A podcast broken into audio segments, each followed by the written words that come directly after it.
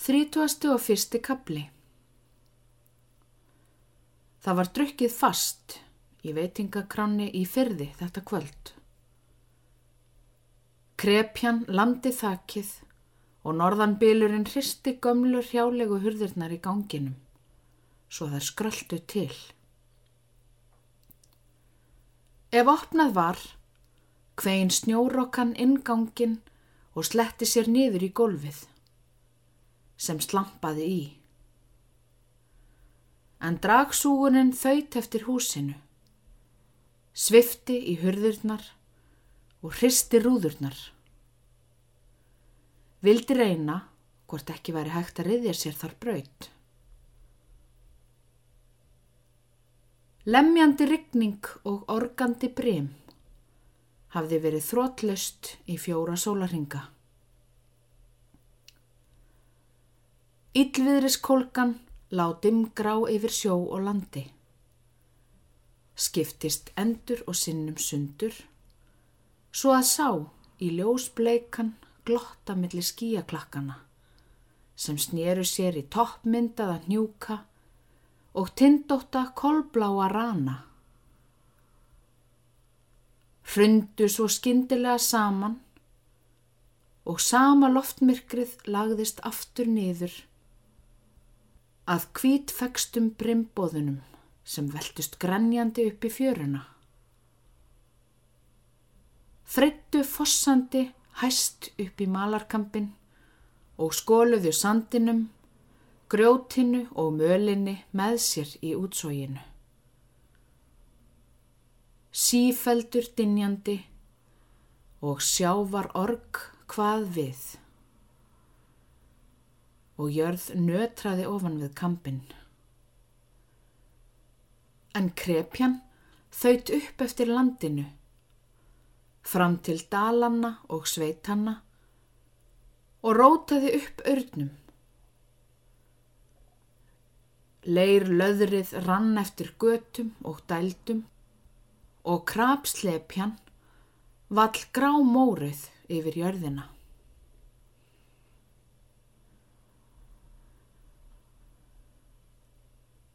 Dagarnir voru gráir. Byrtan óskýr og drungalega dauf.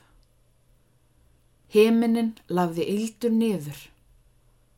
En nóttin svört eins og líkista. Fór nötrandi og den suðandi yfir hústökin.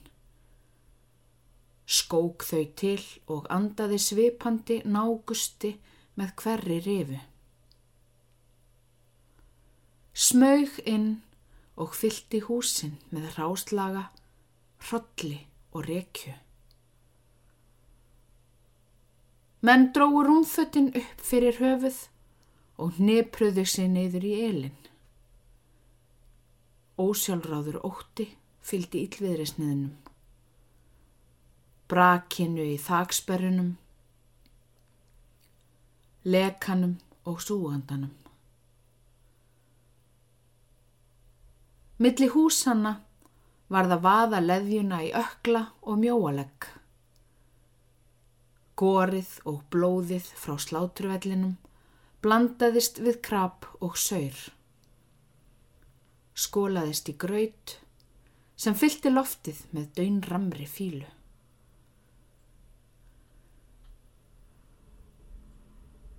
En inni í kranni reyndu menn að drekka úr sér hroll og yllviðusleiðindi. Það voru þurrabúðarmenn úr fyrði. Sjóróðramenn og nokkri sveitamenn sem yllviðrið hamlaði frá að komist burtu þetta kvöld. Er ég mestur í kæftinum og huglaus eins og sveitungar mínir? Þor er þau að standa við að þeir séu það. Ég skal vennja þig af því að ljúa upp á þá og sína þér hvort einn landhlaupar eins og þú munir skjóta þeim skelki bringu. Ættu það verði nema stórirðinn og raupið frekar en vant er. Sko, hvað kallar þau þá þetta? Geirmutur greip annari hendi í brjóstið og hinni í vinstra lærið á guttormi ferðalang. Hóf hann hátt á loft og hendunum á hurðina lokaða. Og guttormur fór með hrjálegu hurðina, svifta af hjörunum, öfugur fram í gangin. Þar lág hann og stundi. Þeir gætnustu fóru að stumra yfir honum og komunum í rúmið. Guttormur var óbrotinn og örkumla laus. En ölæðið og fallið hafðu gert hann ósjálfbjörga. Tveir góðir félagar Guttorms réðust á germund, sem let nefana ganga á þeim svo þeir hópuðu út í hyrninguna. Þá leisti veitingasalanum ekki á blíkuna. Hljóp til germundar, klappaði á aukslónum og bað hann með mörgum fögrum orðum að stilla sig og hætta. Eilífur smiður kom rambandi til að ganga í lið með honum.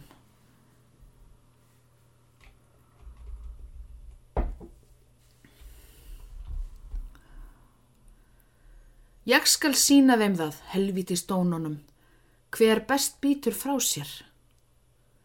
Hvort ég þór ekki hafa í fullu tref fyrir þeim og láti þá vennjast af að slást upp á saklösa menn.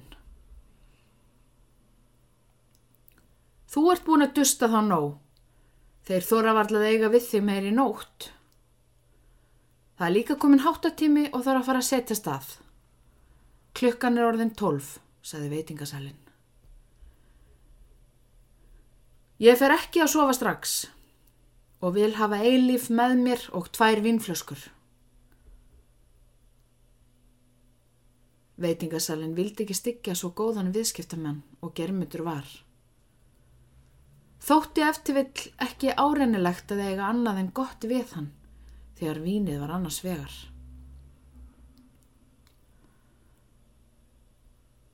Þeir sváfu saman á loftherbergi Germundur og eilífur smiður. Germundur borgaði öll ölfeng sem þeir hafði drukkið liðina viku. Hafði á hverju kvöldi lendi hreðum við einhvern.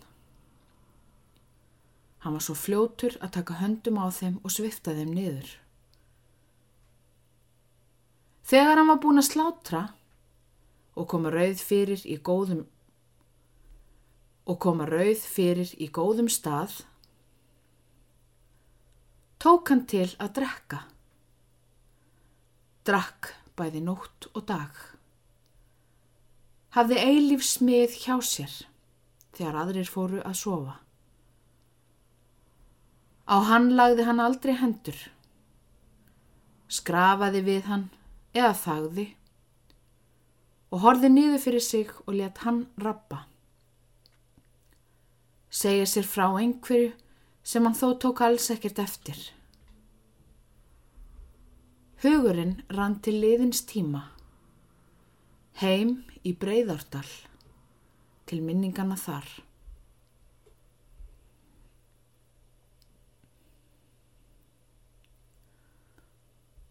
Þegar þeir félagar komi upp á herbergið, heldi germutur á staupin. Báðir tæmdu þau og settust við borðið. Sátu um hríð og Eilifur sagði frá námsárum sínum í Reykjavík. Um þau var þónum tíð rætt og gerumutur þekkti frásögnin að mæta vel. Það fór að draga niður í honum og tungan að drafa. Smiðurinn var orðin blind fullur. Nú losnaði um tunguhaftið á germundi. Af ótalmörgu er lígin og hræstnin verst. Skinn helgi, hræstni og hugleysi. Engin áræðir neitt sem djörfung þarf til. Prestarnir, þessir þöllriðnu kirkjuklárar, eru þó voldugastir og aðstir allra legara. hverjir hrópuðu? Krossfestu, krossfestu hann. Það gerðu þeir. Það gera þeir ennþá. Ég þekki einn prestaöldung, drottin varðveiti hann, sem er samt laus við hræstni, yfir drefskap og líi. Það er mesti Guðstýrlingur. Magnús Eiajarl upprisinn. Sko, þegar ég er búin að hressa svona fallega upp á mig, þá geng ég á prestaskólan og læri til prests. Geta orðið besti prestur. Ég er svo mátulega hreitn til þess. Hreitn eins og þeir dagfarsvandaður og háttarreitn eins og þeir. Þá tek ég gutta til alltaris og ef hann deyr og hann er vís til að deyja bráðum. Þetta er útlifaður drikkjuhundur. Þá gef ég honum passa yfirum. Small honum inn fyrir himnaríkishurðir. Rétt í faðm góða prestsins. Sem Því miður er nú búin að binda upp helskóna og verður þá sestur hjá Jakob. Einmitt hjá diggum Jakob Ísrael. Þeim sveipaði saman í mörgu.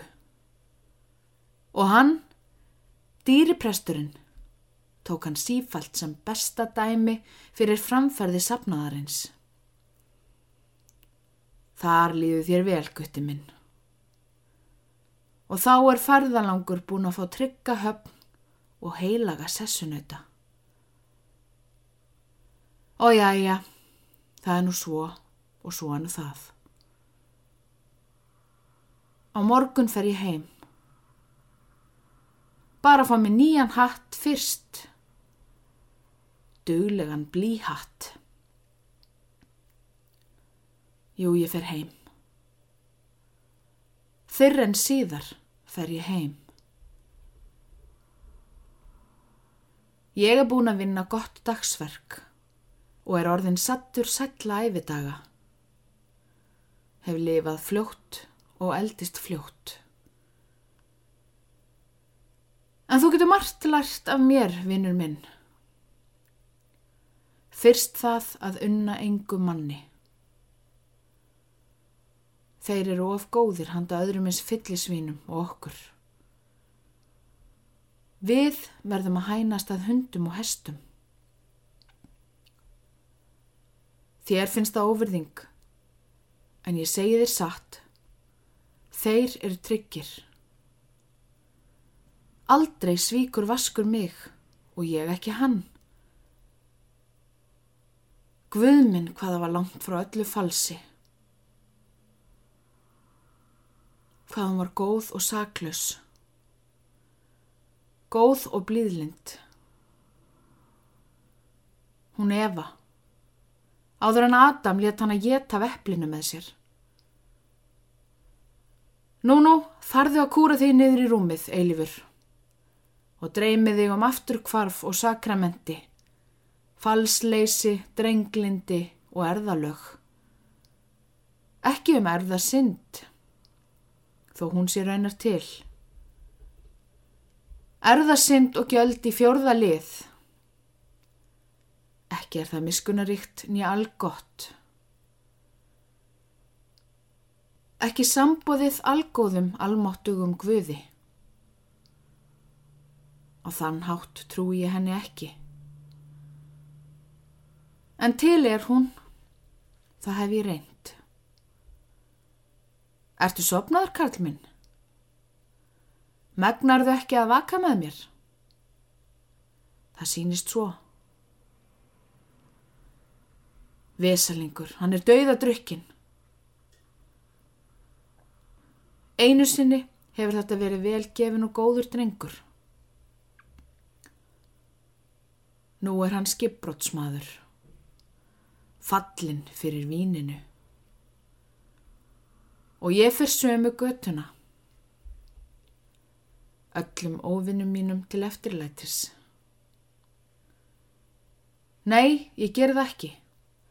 Ger þeim það ekki til geðs. Germundur hló kulda hlátur. Drakk teig úr flöskunni. Nykti eilifi til, þar sem hann svaf fram á borðið. En hann rumskaði ekki. Aðeins urraði svolítið við hristingin og svaf svo eins og steinn. Germundur tók hann og bar hann í annað rúmið. Listi af honum skóna, klætti úr sokkum og ytri fötum. Lagði höfuðið á kottan og breyti vandlega á hann yfir sangina. Eilifur hraut og skar hrúta í sífellu.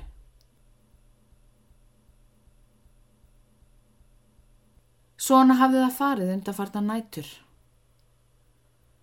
Hann hafði fyrir eða síðar þurft að koma eilífi í rúmið. En þegar hann var fullur mótti tala við hann, það sem hann er dætt í hug. Eilífur myndi ekki eitt orða því þegar hann vaknaði. Það var þó heldur betra að hafa hann, þó fullur væri, og þó hann svæfi, heldur hann að vaka aðleinn þarna í herbygginu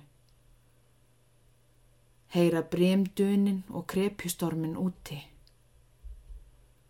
Finna kvölina nýsta hjartað og bæja allir í ró og svefni burtu. Að drekka sig í hel, fá alglemis frið og fró, hafði fyrst tektan að kranni og víninu. Hann var þó ekki hrættur við helviti ný helvitis píslir. Þeim gatt hann á engan hátt trúað. En hann gatt engu glimt, þó hann drikki og enga nöytni frið fengin með ölvaninni. Það var skömmalega gjárar í bát, gefast upp Lifa í svalli og sóun. Láta eins og vittlu smaður. Drepa sig. Slikt neyðarúræði var aðeins hægt að grýpa af merglösum mönnum. Óreiðu bjálfum og þeim sem glæp höfðu dríkt. Ekki sambóðu þeim sem nokkur þróttur var gefinn verjast og berjast. Það gerðu allir sem hefðu krafta í köglum. Það gerði Gísli Súrsson, afhaldsmaður þeirra begja. Og á hann myndi hún hann forðum, til þess að hann skildi eins og Gísli, dríja dáð til dauða, vera hraustur karlmaður til æfi loka. Og hvað hafði hann gert? Hafði hann farið að ráðum hennar og eftir hugheilum óskum? Nei. Hann hafði verið óstjórnlega vannstiltur, eins og svo ofta áður. Örskipta maður og ofsi í skapi. Þurriður myndi harma enn meir þegar hún vissi um þessi lítilmannlegu glöp hans. Hann fann stingandi farg leggjast á brjóstið.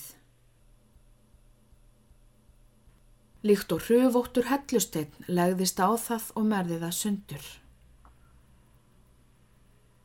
Á harm hennar mátti hann engu auka. Hún leið allt of þungar þrautir áður, þó þetta bættist ekki við og móðir hans. Hún hefði líka orðið fyrir ógjafu og raunum. Hann mátti ekki þjá hana með neittni skjelvingu á síðustu árunum. Sískinin.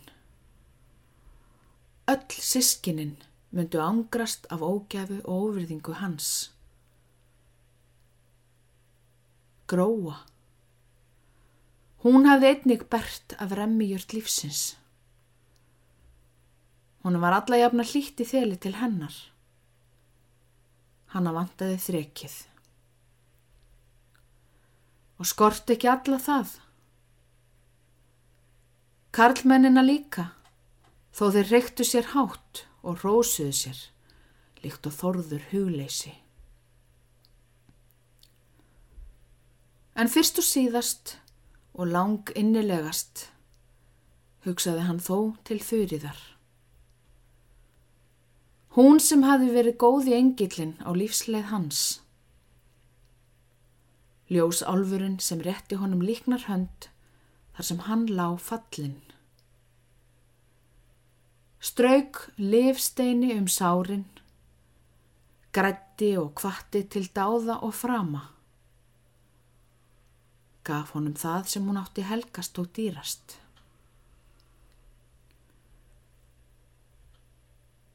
Þegar flestir aðrir þóttust fullvisir um að hann var í dottin í sorp og saur og spyndu fæti til hans, þá kom hún til bjargar og fulltingis.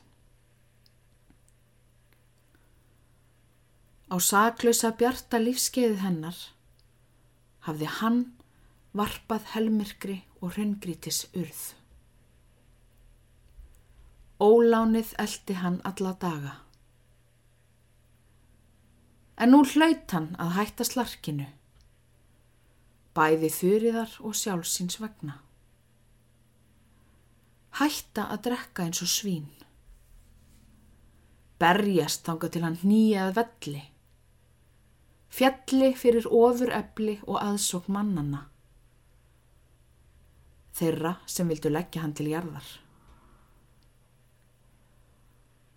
Ef hann vildi var óvist að þeim hefnaðist það ef hann var sjálfum sér trúr og örugur, yrði ódrengjunum og óvinnum hans aldrei auðið að standa yfir höfusvörðum hans.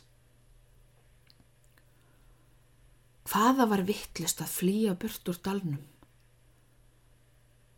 Þeim til eftirlætis. Vestur í gilsveit, þar sem hann var öllum ókunnur og gatt aldrei fest indi. Heima átti hann þó nokkra vini meðal óvinnana. Dalurinn hans heitlaði hug og hjarta til sín. Brekkurnar brostu, grundirnar titruðu fyrir hófa dunn. Grasið bylgjaði til í andvaranum. Áinn niðaði. Þar var allt fagurt, bæði sumar og vetur. Allt nema þorri mannana. Fara heim í dalin aftur, slaka aldrei til, berja frá sér, riðja sér til rúms og láta skeikað sköpuðu. Germundur drakk tegur flöskunni. Barði nefanum í borðið, svo staupin og tóma flaskan stukku til og ljósastekkin á borðröndinni stiftist niður á gólfið.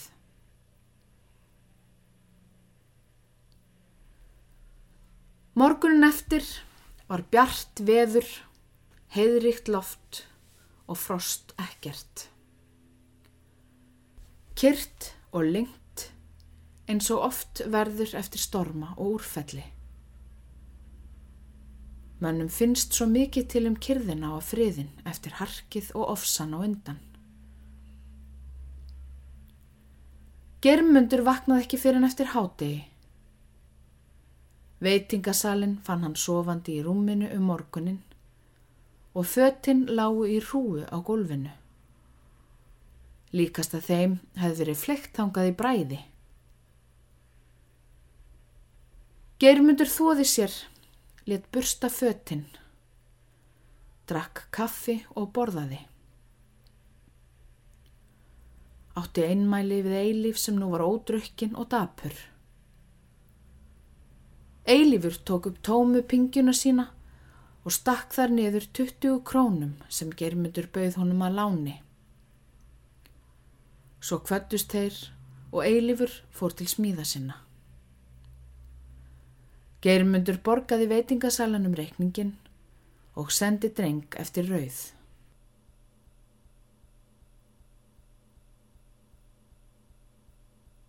Rétt fyrir húmið riðu tveir menn kvallega söður frá fyrði. Það var maður framlur Gilsveit sem hafði komið um morgunin eftir meðlum til læknisins og germundur. Sunnan við kauftunið leiftu báðir á stökksbrett og germundi dætt í hug á sprettinum að þess myndi langt að býða að hann kæmi aftur þar í fjörðin eða dveldi þar nokkuð. Hann var tölvert ölvaður og viðkvæmur fyrir ógæfu allra kvikinda. Stilti og bað samferðamann sinn að ríða vægilega, fyrst ekki lagi lífið að koma meðlunum. Bauð félaga sínum að dreipa á flöskunni og hveið fyrir að koma heim að engi teig. Hveið vetrinum og lífinu þar sökti sér enn á ný niður við að hugsa um draumin sem hann hafi dreymt, rétt áður en hann vaknaði.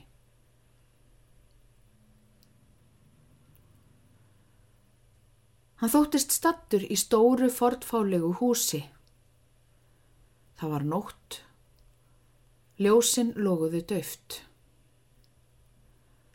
Eilífur smiður og sér að Jósteinn sátu við langt borð fyrir stafni og drukku púns.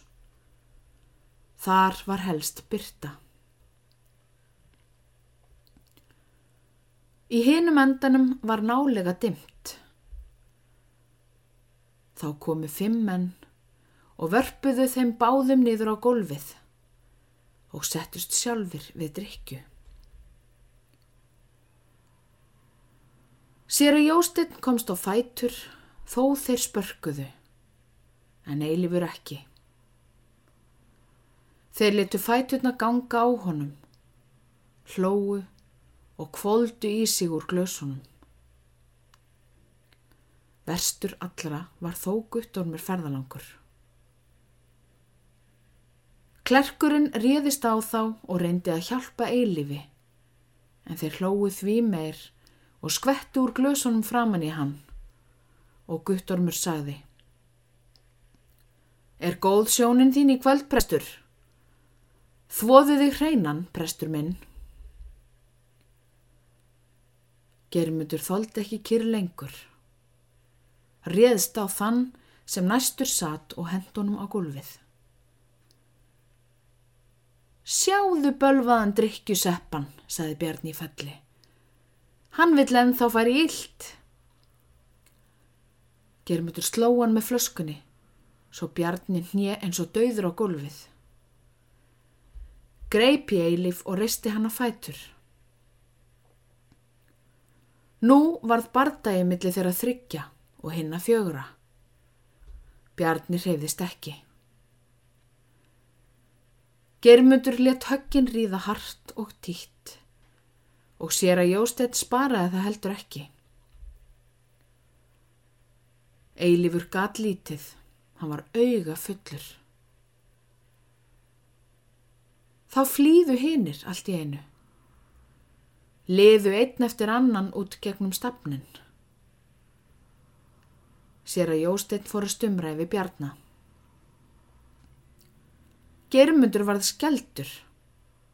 Ef hann væri nú dauður. Hann laud líka niður. Þá stökk Bjarni á fætur og rópaði. Rektu helvitis hóru ungan út. Rektu helvitis hóru ungan út. Þegið eins og stein, saði prestur og rétti germundi hægri höndina. Hann let sem hann sæða ekki. Bjarni hoppaði og hló svo hvað við í húsinu. Presturinn nýja niður á stólinn.